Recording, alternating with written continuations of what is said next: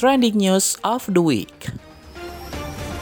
Millennials Radio Be Creative, Be You. Trending News of the Week bersama Evov Alfayani dari Madiun. Berita ketiga dari saya datang dari Timnas U17 Indonesia telan kekalahan lagi sebelum pulang ke tanah air. Pertandingan melawan FC Köln U17 di Rain Energy Sport Park Köln, Jerman pada Jumat 20 Oktober malam menjadi laga terakhir Timnas U17 Indonesia di Jerman. Sesuai dengan jadwal, skuad Garuda Asia akan segera pulang ke Indonesia. Iqbal Kwijangge dan kawan-kawan akan diberangkatkan dari Frankfurt pada Senin 23 Oktober dan akan tiba di Jakarta pada Selasa 24 Oktober. Seperti yang diketahui, skuad besutan Bima Sakti ini telah melakoni segenap rangkaian pemusatan latihan atau TC di Jerman sejak bulan lalu. Selain menjalani TC, Bima Sakti juga melakukan serangkaian pertandingan uji coba menghadapi tim lokal di Jerman. Dengan melawan tim-tim asal Jerman tersebut diharapkan dapat meningkatkan permainan Garuda Asia guna persiapan Piala Dunia U17.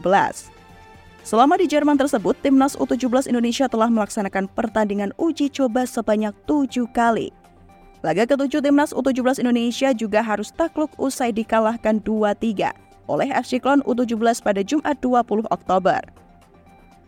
Hal tersebut sekaligus mengakhiri rangkaian uji coba tim asuhan Bima Sakti di Jerman. Dalam laga itu, Indonesia langsung melakukan serangan cepat di babak pertama. Namun sayangnya, peluang tersebut tak berhasil dimaksimalkan Arkan Kakak menjadi gol. Alih-alih membobol gawang lawan, timnas U17 Indonesia harus tertinggal lebih dulu. Skor 1-2 untuk keunggulan FC Klon pun menutup babak pertama. Pada babak kedua awal, Bima Sakti kembali melakukan rotasi sejumlah pemain. Namun, FC Klon pun kembali memperlebar jarak skor menjadi 3-1 setelah mencetak gol pada menit ke-58. Mencoba mengejar ketertinggalan timnas U17 Indonesia pun harus rela mengakhiri pertandingan dengan kekalahan 2-3 atas FC Klon. Penyerang Garuda Asia Arkan Kakak mengungkapkan dalam timnya masih banyak evaluasi yang harus dibenahi. Terlebih, Piala Dunia U17 akan segera dilangsungkan dalam hitungan hari lagi. Pemain Persis Solo itu juga mengaku bahagia karena bisa mencetak gol pertama bagi timnas U17 Indonesia.